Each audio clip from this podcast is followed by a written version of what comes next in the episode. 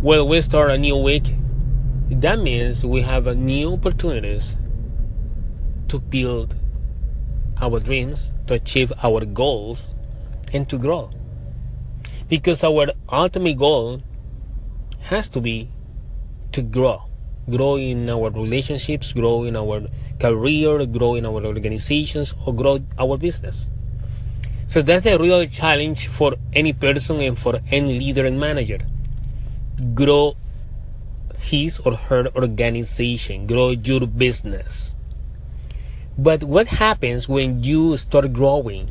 When you start growing, you have to take into account if you have the capacity, the capacity, and the structure and strategy to absorb that growth. So that's what happens when companies grow and suddenly they grow from a simple startup from small sales to a lot of sales. You got customers coming in, customers, customers, more customers. And sometimes that growth can be so challenging that you can't lose control. What's happening when companies that grow so fast is that companies lose control. When you lose control of your market, when you lose control of your inventory, when you lose control in your processes, you start making mistakes. And when you make mistakes, you can hurt your bottom line. You can start building now unsatisfied customers and they can replicate their insatisfaction through social media and everything goes viral nowadays. So what you have to do as a leader and manager to not only to absorb the growth but to keep the growth. You you want to keep that growth. You have to make that growth sustainable through the time. It doesn't matter the market conditions. You want to build something that you can sustain that growth. And that's what we call systems. You have to build a system that can absorb that growth and a system that can replicate in such a way that can sustain that growth. Because if you don't have a well defined system in your organization to cut up that growth, and to sustain that growth, you're gonna fail. So, what is a system? A system is an organized and purposeful structure of interrelated components, interrelated and interdependent components.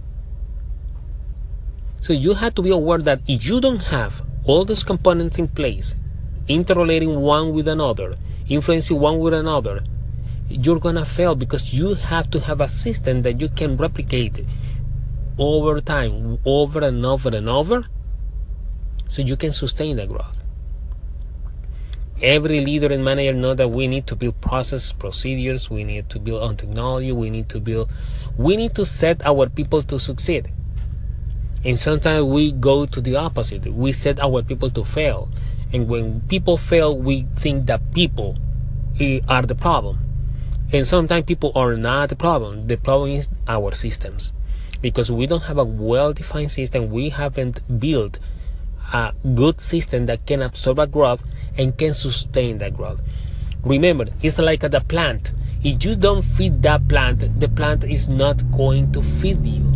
If you don't feed a tree, the tree is not gonna grow. You have to feed your system, you have to feed your stakeholders, you have to feed your customers so they can grow and they can feed you is a cycle system. You need to build something that can make you grow and at the same time sustain that growth. That's what you have to do. So analyze your organization, see at what point of growth your organization is, and try to build a system that can sustain that growth on the long term. Okay we will continue with this topic in my blog this afternoon. Okay so pay attention to that. In the meantime build and battle. Until the next time